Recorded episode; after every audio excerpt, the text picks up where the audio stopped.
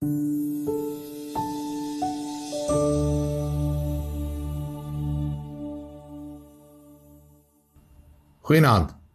Jy hoef nie alleen te voel as jy op soek is na geluk nie. Elke mens beleef sulke tye, party meer as ander, en daar is diegene wat elke dag soekend is na geluk. En dis nie omdat die mens van nature ontevrede is nie, maar nie weet hoe om omstandighede te hanteer nie. Geluk word baie keer gemeet aan wat ander het, nie net aardse goed nie, maar ook hulle positiewe ingesteldheid. En jy begin om jouself met hulle te vergelyk. Die hulle lag altyd, vind vreugde in wat hulle doen, helder gesprekke op, kyk nooit neer op ander nie en is behulpsaam waar en wanneer hulle kan. Om so te wees, kos geestelike oefening.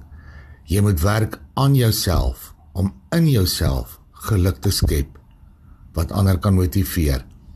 En dit is baie moeilik om werklik te oefen aan jou eie geluk.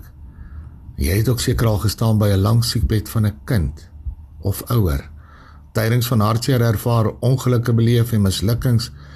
Jy's dalk ook vervreem van geluk omdat jy anders is, anders aantrek, anders optree. Dink maar aan die etikette wat so maklik geplaas word deur mense op ander. Dan klink die woorde van Spreuke 17 vers 1 soos jou eerste oefening. Beter is 'n stuk droë brood en rus daarbey as 'n huis vol offermaaltye met getwis.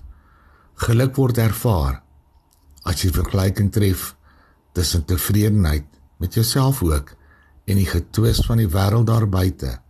In twis word God se liefde nie ervaar nie, maar in geluk wel. Vers 19 sê wie twis liefhet, het oortreding lief. En dit is baie gesê. En sy liefde vir jou word beloof in vers 22. 'n Vrolike hart bevorder genesing, maar 'n verslae gees laat die gebeente uitdroog. Nou mag jy vanaand geluk ervaar met 'n vrolike hart, want die Here se liefde bring genesing. Leef in liefde, vir liefde. En mag jy gou gesond word en jou oefening geniet om sy naam ontwil. Amen. Nag se Here.